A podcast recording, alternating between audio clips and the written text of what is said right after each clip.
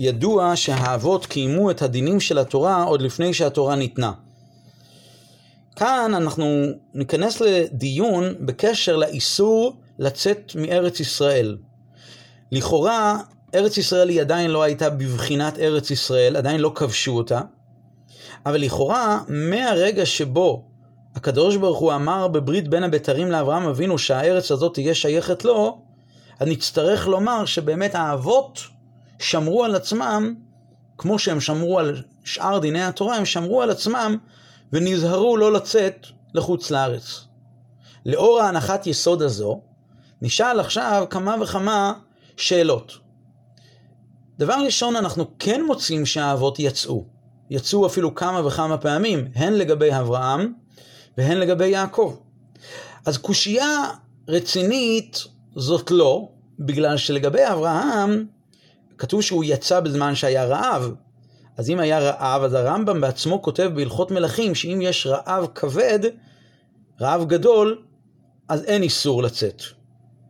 אבל כן צריכים להבין, בקשר ליציאה של אברהם אבינו, שהוא יצא מארץ כנען וחזר לארץ ישראל, לחרן, כתוב שהוא עלה, זה היה אחרי, כתוב שזה היה לפי המדרשים ורש"י, זה היה אחרי ברית בין הבתרים. וזה היה זמן שלא היה שם רעב אז. אז אולי נוכל לבוא ולענות בפשטות שהוא נסע כדי לכבד את אביו, לכבד את אביו, לכבד את אמו, אולי לצורך זה יש היתר לצאת, לצאת על מנת לחזור. אבל בכל זאת, אחרי שאברהם אבינו נתן את, קיבל את הציווי, לך לך אל הארץ אשר הרקע ללכת לארץ כנען, לכאורה מכאן ואילך אסור לו באמת לצאת, אם הוא מקיים את המצוות עוד לפני שהם ניתנו, אסור לו לכאורה לצאת מארץ ישראל. אותו דבר צריכים גם להבין לגבי יעקב אבינו, שהוא יצא מארץ ישראל בשביל לראות את יוסף, וזה לא היה זמן של רעב. זאת אומרת, זה כן היה זמן של רעב, אבל זה לא היה בשביל הרעב, כי הרי את האוכל הביאו לו ממצרים לארץ ישראל. ובאמת כתוב שהוא לא כל כך רצה לצאת. היה מיצר, רש"י אומר, היה מיצר על שנזקק לצאת לחוץ לארץ. רש"י אומר בויגש. ומשמע מהמילים של הרש"י וגם מהמילים של המדרש, שהוא לא רצה לצאת עד שהקדוש ברוך הוא בעצמו אמר לו שהוא יכול לצאת. אבל אנחנו מוצאים גם לגבי יעקב, הם לא חזרו מיד שנגמר הרעב. לא, מיד שנגמר הרעב הכללי בכל הארצות, הם, הם לא יצאו. נו, אז אולי את זה נוכל לענות, שאחרי שהקדוש ברוך הוא באמת אמר לאברהם אבינו, אל תירא יעקב, אל תירא, יעקב יעקב אל תירא, כי לגוי גדול אשימך שם, זאת אומרת, זו ההתחלה של הנבואה, של ה... אה, של המילים של הקדוש ברוך הוא, גר יהיה זרעך ודור רביעי ישובו הנה, אז יכול להיות שרק דור רביעי ישובו הנה, וממילא זה מה שהתיר לו להישאר במצרים. אבל התירוצים האלה, למען האמת, הם תירוצים שצריכים ביור. כי הרי אפילו בנוגע לזמנים של רעב, צריכים ממש להבין איך יצאו האבות אפילו בזמן של רעב? הרי כתוב שהאבות לא רק שמרו את דיני התורה, אלא כתוב שהם שמרו גם את הגזירות ואת הדברים אה, אה, אה, של, של תקנות מדרבנן. עכשיו, לגבי איסור יציאה מארץ ישראל לחוץ לארץ, הרמב"ם כותב שאפילו שיש לפעמים היתר לצאת, הרמב"ם כותב, ואף על פי שמותר לצאת, אין עמידת חסידות, שהרי מחלון וכיליון שני גדולי הדור היו, ומפני צרה גדולה יצאו, ונתחייבו כליה למקום. זאת אומרת, שלצאת מארץ ישראל בזמן של האבות, לכאורה האבות היו אמורים להימנע מלעשות את זה אפילו בזמן של רעב. שהרי זה לא מידת חסידות. אפילו שלפי שורת הדין באמת יהיה מותר. אנחנו רואים על מחלון וכיליון שהיו גדולי הדור והם נענשו. באמת צריך באמת להבין איך באמת אה, אברהם ויעקב יצאו לחוץ לארץ. כנראה, מכוח השאלות האלה נאמר, שבאמת כנראה לא היה בכלל איסור בתקופה הזאת. למה? כי לא היה שייך שיחול האיסור, כי האיסור הוא רק מצד הקדושה שיש בארץ ישראל, כמו שתכף נדבר על זה באריכות, וקדושת ארץ ישראל היא עדיין לא חלה באותה שעה. טוב, כדי להבין את זה, קצת נתחיל לדבר לעומק יותר בכל הנושא הזה. אמ, באמת, בואו ננסה להיכנס להגדרות של האיסור הזה לצאת מחוץ ל... מארץ ישראל לחוץ לארץ. מה באמת הסיבה ומה ההגדרה של האיסור הזה? לפי הדעה של הרשב"ם, האיסור הזה שיהודי יוצא מחוץ מארץ ישראל לחוץ לארץ זה בגלל שהוא מפקיע את עצמו מהמצוות, המצוות שתלויות בארץ ישראל. יש דעה אחרת, שאומרת שהמצווה של ישיבת ארץ ישראל זה לא מצד המצוות התלויות בארץ, זה לא קשור, זה קשור לקדושת הארץ.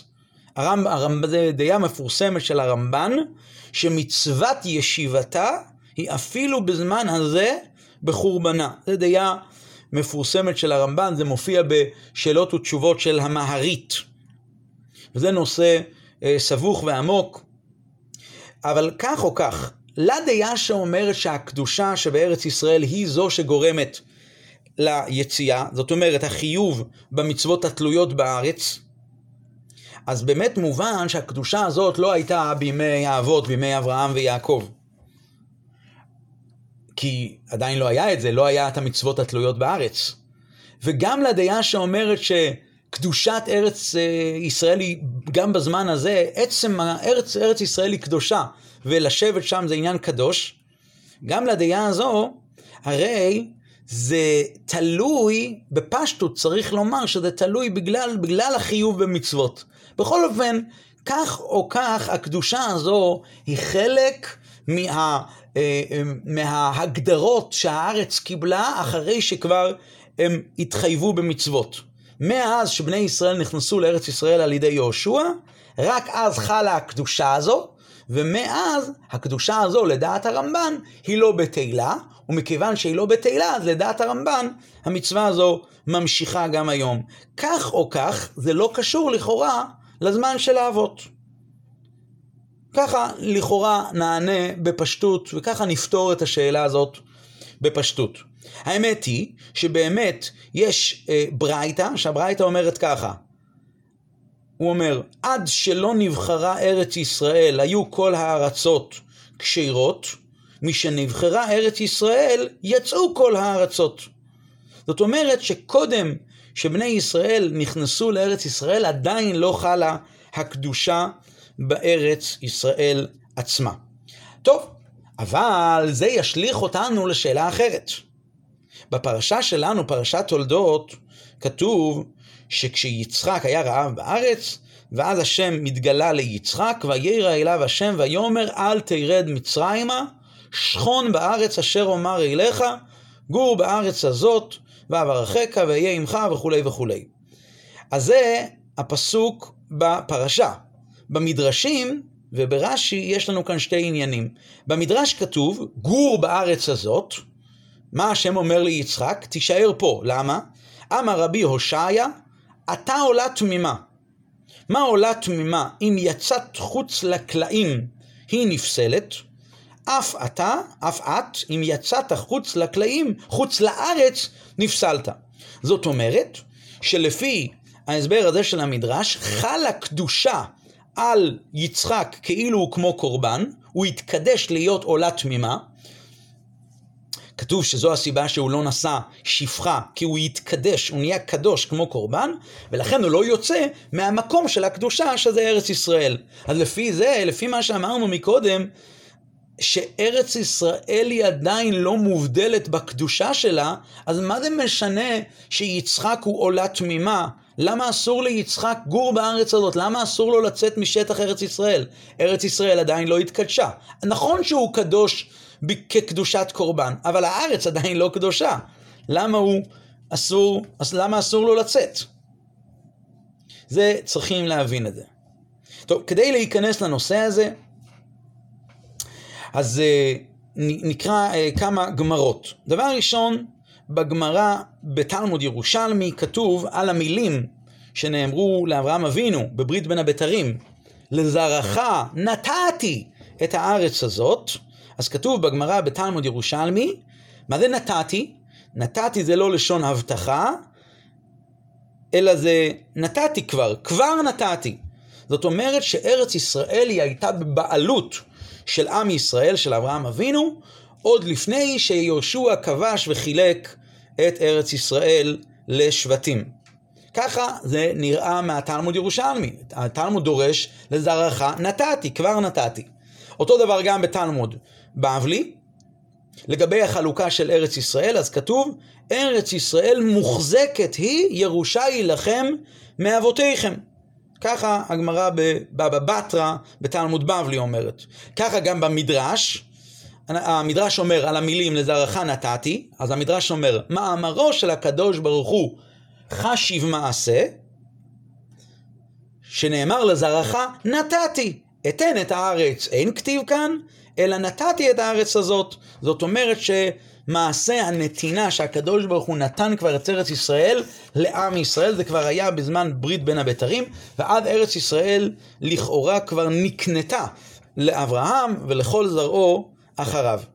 ככה ככה נראה מהגמרות בבבלי, בירושלמי ובמדרש. אז אולי לפי הרעיון הזה נדחה את כל מה שאמרנו מקודם שעדיין לא היה קדושה בארץ, וננסה אולי לענות שמכיוון שהבעלות על ארץ ישראל כבר נקנתה לאברהם אבינו לזרעו, על ידי מה שהקדוש ברוך הוא אמר לזרעך נתתי, אז גם הקדושה כבר חלה, ככה נאמר. וממילא, מכיוון שחלה הקדושה, אז חלה אוטומטית האיסור לצאת מהארץ לחוץ לארץ. ככה לכאורה היינו יכולים לענות על העניין. אבל הנושא, הלימוד הזה, הדרך הזו לבוא ולהסביר שמכיוון שארץ ישראל כבר נקנתה לאברהם, אז ממילא חלה הקדושה, זה הסבר לא כל כך פשוט. למה? כי ידוע הביאור המפורסם על ההבדל בגדר של קיום המצוות לפני מתן תורה ואחרי מתן תורה, שהמצוות שבני ישראל מקיימים אחרי מתן תורה זה בבחינת מצווה ועושה. לפני מתן תורה זה בבחינת אינו מצווה ועושה, זה כאילו בהתנדבות. ומכיוון שזה כאילו בהתנדבות, אז לא היה לאבות, לפני מתן תורה, לאבות ולשבטים, לא היה להם את הכוח לשנות את המהות של החפצים שבהם היו עושים את המצווה, וממילא לא חלה קדושה על הדבר שזה יהפוך להיות גדר של תשמישי מצווה או תשמישי קדושה. זאת אומרת שהיה יותר אה, אה, פעולה על הבן אדם עצמו. הבן אדם עצמו עשה מצווה, יותר ביחס לגברא. אבל ביחס לחפצה, לחפץ של הדבר, החפץ לא נעשה חפץ של מצווה. דווקא אחרי שהתורה ניתנה, אז התחדש הציווי שהשם מצווה, מצווה ועושה, ואז אחרי שהשם מצווה, אז על הדבר, באמצעות העשייה, יש לו גדר של תשמישי מצווה ותשמישי קדושה. ומכוח זה, יש לו את היכולת גם להכיל קדושה על הדבר הזה עצמו. אז אותו דבר לכאורה נענה גם לגבי ארץ ישראל. זה שהקדוש ברוך הוא אומר לזרעך, נתתי את הארץ הזאת, שיש כבר בעלות של אברהם, של עם ישראל, על ארץ ישראל, ובאמת הבעלות הזו הייתה עוד לפני מתן תורה, אבל הקדושה לא הייתה יכולה לחול בצורה קבועה על החפצה, על המקום, על ה...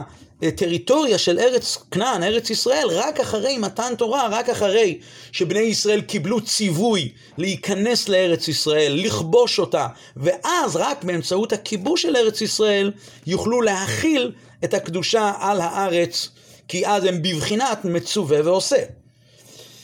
ולפי לפי ההסבר הזה, אם אנחנו, אם אנחנו באמת נלך בכיוון הזה, שזה ההבדל בין המצוות לפני מתן תורה ואחרי מתן תורה, אז שוב חוזרת השאלה לקדמותה.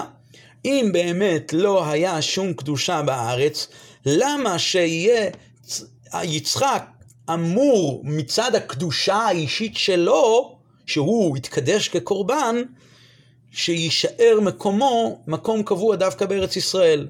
נכון, קורבן עולה קודשים, באמת במשכן למשל, אם היה אסור לקורבן לצאת מחוץ לקלעים, יש לו את האזור שלו, מקום המקדש, מקום המשכן.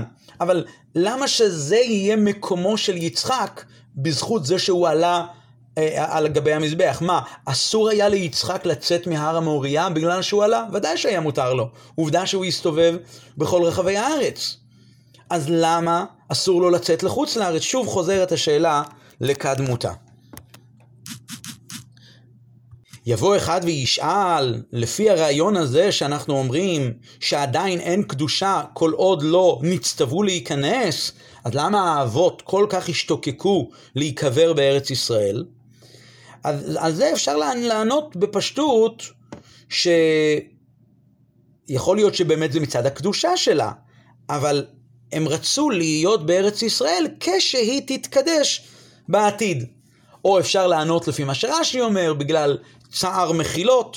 בכל אופן, זה לא ישמש לנו קושייה חזקה על העניין הזה. וכאן צריך לתת איזושהי הבהרה. ברור שהמושג קדושה היה גם לפני מתן תורה. אה, אנחנו רואים במפורש בפרשת וייצא, שיעקב מגיע למקום אה, אז כתוב, יש השם במקום הזה ואנוכי לא ידעתי, זה מקום קדום, מה נורא המקום הזה, אין זה כי אם בית אלוקים. אז יש את המושג של קדושה לפני מתן תורה, ברור, אבל זה לא הכוונה שזה קביעות במקום הזה עצמו. יש כרגע השראת שכינה במקום מסוים בצורה גלויה, וכשיש השראת שכינה מסוים, של השראת השכינה במקום הזה, אזי המקום הזה הוא לא מתקדש, הוא לא משתנה. המקום הזה הוא נפעל בו קדושה, זה נקרא בשפת הקבלה והחסידות, זה נקרא בדרך מעבר ולא בדרך התלבשות במקום. לדוגמה, כתוב שהקדוש ברוך הוא אמר למשה רבינו, של נעליך מעל רגליך, כי המקום אשר אתה עומד עליו אדמת קודש הוא, וזה לא היה ארץ ישראל. אלא מה? זה היה שם השראת השכינה. מתי? אז, לרגעים האלה.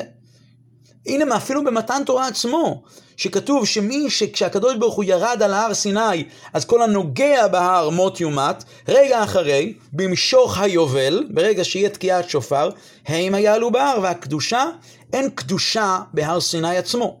אז שוב, אם ככה חוזרת השאלה, לא היה לכאורה קדושה בארץ ישראל, למה שיצחק, בגלל הקדושה שלו, שהוא התקדש כקורבן, העלו אותו על גבי המזבח, בגלל זה אסור לו לצאת לחוץ לארץ. טוב, כדי להבין את זה, אני אכנס לעניין הכללי של אה, קורבן באמת, כאשר מדובר על קורבן פיזי, עולה, אדם בא ומביא עולה לבית המקדש, והעולה הזו היא יצאה חוץ לקלעים, חוץ למקומה. מה הדין שלה? היא פסולה. הרמב"ם כותב, בשר קודשי קודשים, שיצא חוץ לחומת האזהרה, בשר קודשים קלים שיצא חוץ לחומת ירושלים, שזה הבדלים בין קודשי קודשים לקודשים קלים, שלמים. אם הוא אבל יוצא חוץ למקומו, נפסל ונאסר לעולם.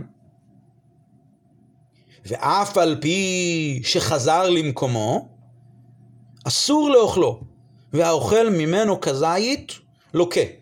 שנאמר, הוא מביא פסוק מספר שמות, ובשר בשדה טריפה לא תאכלו. אומרים חז"ל, כיוון שיצא בשר חוץ למחיצתו, נעשה טריפה. נעשה כטריפה. והרמב"ם אומר ומפנה אותנו להלכות, זה הרמב"ם כותב בהלכות מעשה הקורבנות. ואז הרמב"ם מסיים, כמו שביארנו בהלכות מאכלות אסורות. מעיפים מבט מה שהרמב"ם כותב בהלכות מאכלות אסורות, אז הרמב"ם כותב בפרק ה' מהלכות מאכלות אסורות, עובר שהוציא ידו או רגלו, נאסר אותו איבר לעולם, כמו איבר מן החי.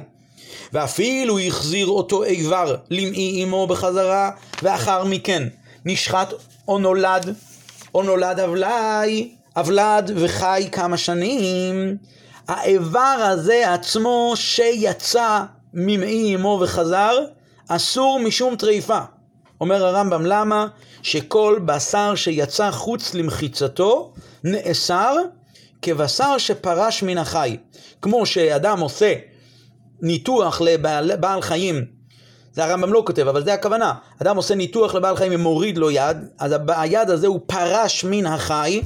אותו דבר, כל בשר שיצא חוץ למחיצתו, הוא נאסר. הוא בשר שנאמר, הוא בשר, הרמב"ם מסיים, שנאמר, הוא בשר בשדה טריפה, כיוון שיצא למקום שהוא לא כשדה, כל מקום שבבחינת האיבר הזה זה כאילו שדה חוץ למקומו שלו, נעשה כטריפה. ולכן האיבר הזה הוא יצא אה, מחוץ למקומו, והוא פסול להקרבה, וגם פסול לאכילה כמובן, איבר מן החי. לגבי קורבן הוא פסול להקרבה.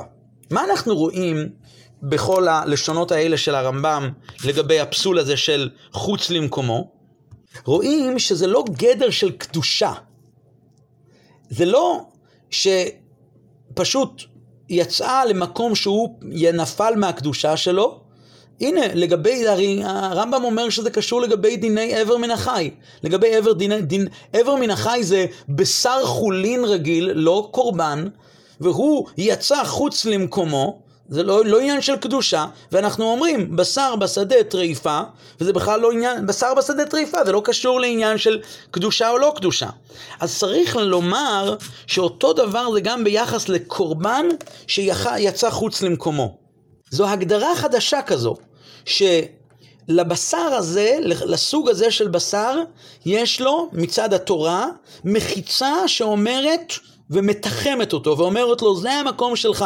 ברגע שאתה, הבשר הזה יצא חוץ למקומו, אוטומטית זה נאסר, כמו טריפה, ובשר בשדה, בשר שהוא לאותו איבר הוא כמו שדה.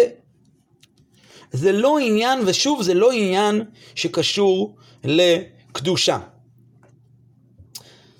ולכל בשר ובשר יש לו את המקום הקבוע שלו, איבר של עובר מקומו צריך להיות בתוך מעי אמו, אז אם הוא יצא מחוץ למעי אמו, אזי הוא יצא חוץ למקומו. המקום שלו צריך להיות בתוך הרחם. ברגע שהוא יצא, הוא יצא חוץ למקומו, הוא טריפה, ואסור לאכול אותו. ואותו דבר לכל דבר ודבר, צריך לומר אותו דבר גם ביחס לקורבן. יש לו את המקום שלו שהוא מתוחם מצד דין תורה. אז לפי הרעיון הזה, אנחנו נבין מצוין את הסיפור לגבי יצחק. נכון, הקדוש ברוך הוא אמר לאברהם אבינו בברית בין הבתרים, שלזרעך נתתי את הארץ הזאת. ובאמת הקדוש ברוך הוא נתן את הארץ הזאת לעם ישראל. ובאמת מאז ארץ ישראל שייכת לאבות, ויש בה איזושהי בעלות מסוימת. ומכיוון שעל ידי שהקדוש ברוך הוא ציווה את, את אברהם להקריב את יצחק, שהוא יהיה והעלי הוא לעולה, אז ארץ ישראל שכבר יש לה הגדרה מסוימת, לא קדושה, הגדרה, יש לה בעלות ל... זה, זה מקום מתוחם ששייך לאברהם. אז ההגדרה הזו של ארץ ישראל, לא כקדושה, אלא כבעלותו של אברהם, זה כרגע מקומו. ארץ ישראל היא המחיצה של יצחק. הוא הרי אמור להיות עולה תמימה, אז כמו שעל ידי הקרבת עולה כפשוטו, אז האזהרה היא התחום שממנה העולה לא יוצאת החוצה, זה המקום שלה, זה המחיצה שלה. אותו דבר גם ביחס ליצחק. וחוץ לארץ באמת הייתה לגביו סוג של חוץ למחיצתו. אבל קדושה עדיין באמת לא הייתה. ולכן חוזרת, עכשיו נבין היטב שהאיסור ש... של אברהם על, אין איסור על אברהם ועל יעקב לצאת מארץ ישראל לחוץ לארץ. לעומת זאת ביצחק, זה עניין ספציפי אצלו, בגלל שהוא עולה תמימה, וזה המחיצה, זה מקומו שלו. ו- ולא קשור, לא קשור עדיין לקדושה, כי הקדושה עדיין לא הגיעה, כל עוד בני ישראל לא כבשו את ארץ ישראל בצורה מלאה על ידי ציוויו של הקדוש ברוך הוא אחרי מתן תורה. לפי זה נבין שמצד אחד יצחק ידע את כל העניין, ולכן לשאת שפחה הוא לא רצה כיוון שהוא התקדש להיות עולה תמימה, ובכל זאת היה לו איזושהי סברה כן לצאת מהארץ, ובא הקדוש ברוך הוא ואמר לו, אל תרד מצרימה. מה היה הסברה של יצחק כן לצאת? כי הוא חשב שהגוף של ארץ ישראל, גוף הקדושה, עדיין לא חל. אבל בא הקדוש ברוך הוא ואומר לו, לא, זה לא עניין של גוף הקדושה, זה עניין של הבעלות. מכיוון שבעלות לזרעך כבר נתתי את הארץ הזאת, וממילא יש בעלות לארץ ישראל, ל... לארץ כנען לאברהם אבינו, ממילא זה מקומו של יצחק, מקומו כקורבן, הוא שם ולכן הוא חייב גם להישאר שם ולא לצאת. עד כאן זה הפירוש כמו שהוא לפי המפרשים ולפי אה, איך שלמדנו במדרש ובגמרא. כשאנחנו קוראים את הרש"י על המילים אל תרד מצרימה, רש"י כותב ככה, שהיה דעתו לרדת למצרים כמו שירד אביו. בימי הרעב. אמר לו הקדוש ברוך הוא, אל תרד מצרימה, שאתה עולה תמימה, ורש"י כותב, ואין חוצה לארץ, כדאי לך. אז יש כאלה מפרשים שטענו שהכוונה של רש"י זה כמו המדרש, מכיוון שיצחק הוא עולה תמימה, כל ארץ ישראל נחשבת כאילו כמו האזהרה לגבי אה, קורבן עולה, חוץ, לה, חוץ לארץ נחשבת אצלו כאילו חוץ לאזהרה, אז אם הוא יצא, הוא ייפסל וייאסר לעולם, ואותו רעיון כמו שהמדרש אומר.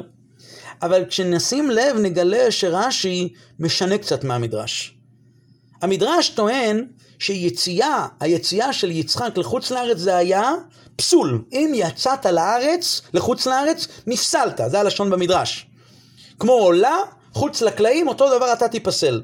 רש"י לא אומר ככה, רש"י אומר, אין חוצה לארץ כדאי לך. זה דיוק אחד. דיוק נוסף, המדרש אומר את זה על המילים גור בארץ הזאת. רש"י אומר את זה על המילים אל תרד מצרימה. עכשיו, יוצא, צריך לומר ששתי השאלות האלה, אחת עונה על השנייה. ויש כאן שינוי רציני בין שיטת רש"י לפי שיטת המדרש. לפי המדרש, האיסור של יציאה, אותו איסור של היציאה לחוץ לארץ שהיה על יצחק, הוא בא בהסתעפות מהחיוב של יצחק להיות בארץ ישראל. גור בארץ הזאת. למה? כי ארץ ישראל היא תוך הקלעים בשבילך. אתה עולה, ומכיוון שאתה עולה, אם יצאת חוץ לארץ, נפסלת. היציאה, זאת אומרת, לפי המדרש, מה פוסל אצלו? היציאה, היציאה מהארץ היא, היא זו שפוסלת אותו. לפי רש"י, לא כל כך שוללים את היציאה בגלל המעלות שיש בארץ ישראל, אלא יש חיסרון ביציאה. אין חוצה לארץ כדאי לך. לכן, האיסור הוא לא, לא קשור לגור בארץ הזאת, אלא יותר, אל תרד מצרימה. לפי המדרש, זה לא שהיציאה, מחוץ, שהיציאה לחוץ לארץ היא הבעיה, אלא העניין הוא שיש קדושה לך, אתה צריך להיות פה.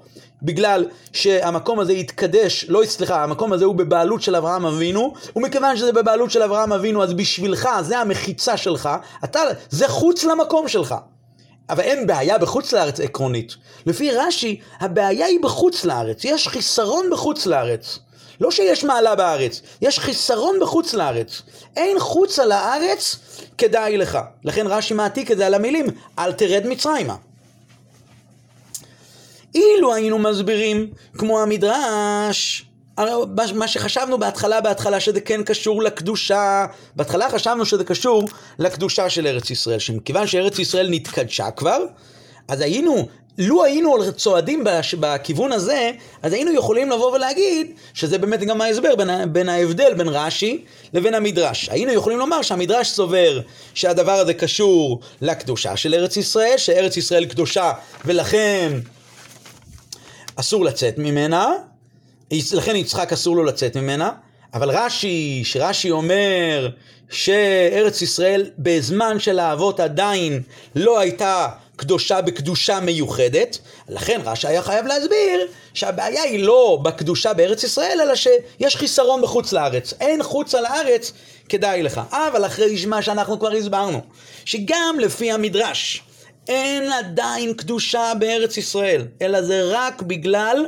הבעלות שיש בארץ ישראל לאברהם אבינו. כמו שהסברנו מקודם שעדיין הקדושה לא חלה, אז לפי זה נצטרך לומר שבאמת הוויכוח כאן, כאן בין רש"י והמדרש הוא ויכוח אחר. למה רש"י מדגיש יותר שיש כאן בעיה בחוץ לארץ, אין חוצה לארץ כדאי לך? לעומת זאת, למה המדרש סבור שיש עניין שיצחק יישאר בארץ ישראל, כי ארץ ישראל זה מקומו מצד הבעלות של אברהם אבינו. מה, מה, מה הוויכוח כאן ביניהם? אז אומר הרבי בלקוטי שיחות, חלק ט"ו, שיחה ב' לפרשת תולדות, זה בעצם כל מה שאנחנו אמרנו כאן. אומר הרבי שהמדרש ורש"י צועדים לשיטתם. יש להם ויכוח לגבי הבעלות על ארץ ישראל. כבר למדנו מקודם שהיה את הדעה של המדרש שאומר שלזרעך נתתי, שזה היה מעשה של נתינה. נתתי כבר. רש"י אומר, לזרעך נתתי, אז רש"י אומר, אמירתו של הקדוש ברוך הוא כאילו הוא עשויה. ככה רש"י כותב ב, ב, ב, בפירוש שלו על המילים לזרעך נתתי. כאילו הוא עשויה. זאת אומרת שהוא לא סובר, הוא סובר ש, שלא היה מעשה של נתינה בפועל עדיין. על ידי שהקדוש ברוך הוא אמר לזרעך נתתי את הארץ הזאת, עדיין לא היה מעשה של נתינה של ארץ ישראל. זה רק כאילו הוא עשויה. זה קצת מזכיר את מה שרש"י אומר על המילים, ועשית כל מלאכתך, בפרשת יתרו, ועשית כל מלאכתך, אז רש"י אומר שאתה צריך להתייחס לזה כאילו כל מלאכתך עשויה. המדרש באמת מוציא את המילה כאילו. כל מלאכתך עשויה. אבל רש"י אומר כאילו כל מלאכתך עשויה. זאת אומרת שארץ ישראל לפי שיטת רש"י לא הייתה עדיין שייכת עוד מאז האבות שייכת לעם ישראל, וממילא לא נפעל עדיין שום דבר בחפצה של ארץ ישראל. ולכן, אם אנחנו נגיע ל, ל, לפי, נצעד לפי שיטת רש"י, בארץ ישראל עדיין לא השתנה שום דבר בבעלות שלה. אה, אם לא השתנה בבעלות שלה, אז זה לא מקומו של יצחק, שנאמר שאם הוא, זה כאילו חוץ לקלעים אצלו. לשיטת המדרש, שטוען שיש כאן איזושהי בעלות מסוימת. ממילא, מכיוון שיש כאן בעלות, אז זה מקומו של יצחק, ואסור לו לצאת כמו העולה שהיא אה, אה, מחוץ לקלעים. לעומת זאת לרש"י, רש"י לא סובר את זה. אז למה רש"י אומר שיצחק לא יצא? סליחה, למה התורה אומרת גור בארץ הזאת, אל תרד מצרימה גור בארץ הזאת? אומר רש"י, על המילים אל תרד מצרימה. משהו אחר, שזה לא מצד המעלה בארץ ישראל, אלא זה מצד החיסרון של חוץ לארץ. מה הרעיון? רש"י כבר לימד אותנו בפרשת שבוע הקודמת לגבי הדיון שהיה בין אברהם לאליעזר. אליעזר אמר שאולי השב אשיב את בנך אל הארץ אשר יצאת משם, ואברהם ענה לו בתוקף, הישמר לך פן תשיב את בני שמה. שבשום אופן לא ייקח את יצחק מחוץ לארץ כנען. ושם רש"י מסביר ככה, שרש"י טוען שמזה שכתוב כאן, השם אלוקי השמיים אשר לקחני מבית אבי. בהתחלה כשהוא מדבר איתו מה הוא אומר לו, ואשביעך, כשאברהם פונה לאליעזר אז הוא אומר לו ואשביעך בהשם אלוקי השמיים ואלוקי הארץ. אחרי זה הוא אומר לו, השם אלוקי השמיים אשר לקחני מבית אבי. רש"י מסביר שמה, עכשיו הוא אלוקי השמיים. ואלוקי הארץ, שהרגלתיו בפי הבריות. פה בארץ ישראל אני הצלחתי להרגיל בפה של הבריות, שהקדוש ברוך הוא לא רק אלוקי השמיים, אלא גם אלוקי הארץ. אבל כשלקחני מבית אבי, הקדוש ברוך הוא היה אלוקי השמיים ולא אלוקי הארץ. כי באי עולם לא היו מכירים בו, ושמו לא היה רגיל בארץ. שבוע שעבר בשיעור הקודם למדנו באריכות כאן את כל הדיון שבין אברהם ואליעזר, ובעצם נקודת הדברים שהייתה שמה, שאברהם מסביר לאליעזר, למה אסור לך לקחת את הבן שלי שמה? כי בחוץ על הארץ הקדוש ברוך הוא רק אלוקי השמיים. הקדוש ברוך הוא לא אלוקי הארץ. שמו הבריות לא מכירים שמה בחרן במי שאמר והיה העולם. השם הקדוש שלו הוא לא מורגל בפי הבריות. ולכן, לכן את הבן שלי אל תשיב שמה. לעומת זאת, פה בארץ ישראל, אזי הקדוש ברוך הוא לא רק אלוקי השמיים, אלא גם אלוקי הארץ שהרגלתיו, רש"י אומר, בפי הבריות. רש"י אומר, שמכיוון שיצחק היה לו את העניין של עולה תמימה, ממילא, מכיוון שהוא עולה תמימה, אזי יש לו חיסרון, חוץ לארץ היא לא טובה, אין חוצה לארץ כדאי לך. בני חוצה לארץ שהם לא מכירים את בוראם, זה לא, לא הולך איתך ביחד. ולכן הוא אומר, אין חוצה לארץ כדאי לך. זאת אומרת, באמת, אין כאן מעלה בגוף ארץ כנען, אלא פה, פה, פה בארץ כנען עצמה לא השתנה, א', לא השתנה בגוף ארץ כנען, ב', לא השתנה מי יודע מה גם באנשים של ארץ כנען, הרגלתיו רק בפי הבריות, לא היה כאן שינוי במהות שלהם, שזוהי הסיבה שאי אפשר להתחתן עם בנות הכנעני. אבל, ולכן חייבים להביא אישה דווקא משם. אבל אין חוץ על הארץ כדאי לך, כי פה בפועל הרגלתיו בפי הבריות. האנשים כאן, הם כן מכירים את בורם, לעומת זאת שם הם לא מכירים את בורם. אז שוב אנחנו רואים כאן את ההדגשה, ש... לא כל כך המעלה שחשוב מה שיש כאן פה בארץ ישראל באנשי ארץ ישראל. המהות של אנשי ארץ ישראל לא השתנתה, אלא בעיקר השלילה של מה ששם. שמכיוון שה, שהבן שלי הוא עולה תמימה, אז ממילא חוץ לארץ לא טוב לו. שם אין את אלוקי, אלוקי הארץ הוא לא בגילוי, שמו לא רגיל אפילו בארץ, ב, ב, בחוץ לארץ, ולכן את בני אל תביא אותו לשם. ומה באמת ההסבר שלמה רש"י כל כך סבור שהבעלות על ארץ ישראל גם לא הייתה? לא, לא, לא קדושה ולא בעלות. מה, מה, מה באמת הסיבה לזה? אז הסיבה לזה היא בגלל שכשאומרים, להגד... כשרוצים להגדיר את הנתינה של ארץ ישראל, לתת את הארץ על ידי הקדוש ברוך הוא לישראל, זה לא כמו נתינה רגילה של נותן ומקבל. אז במקרים כאלה של נותן רגיל ומקבל רגיל, אז הנתינה היא לא, היא לא עושה שינוי מהותי, היא בסך הכל עושה שינוי של רשות. היא הייתה מקודם אצל ראובן, ועכשיו היא אצל שמעון, אבל החפץ עצמו לא השתנה. לא, לא כאן השתנה שינוי בחפץ. ולכן הבעלות באמת יכולה לפקוע על ידי קניין, על ידי מישהו קונה, על מישהו מוכר, מישהו אה, כובש, מישהו לוקח בכוח. כשהקדוש ברוך הוא נותן את ארץ ישראל לעם ישראל זה לא נתינה סתמית, זה נתינה שהוא נותן לה את המהות של ארץ ישראל. הוא מסיר ממנה שום שייכות לאומות העולם.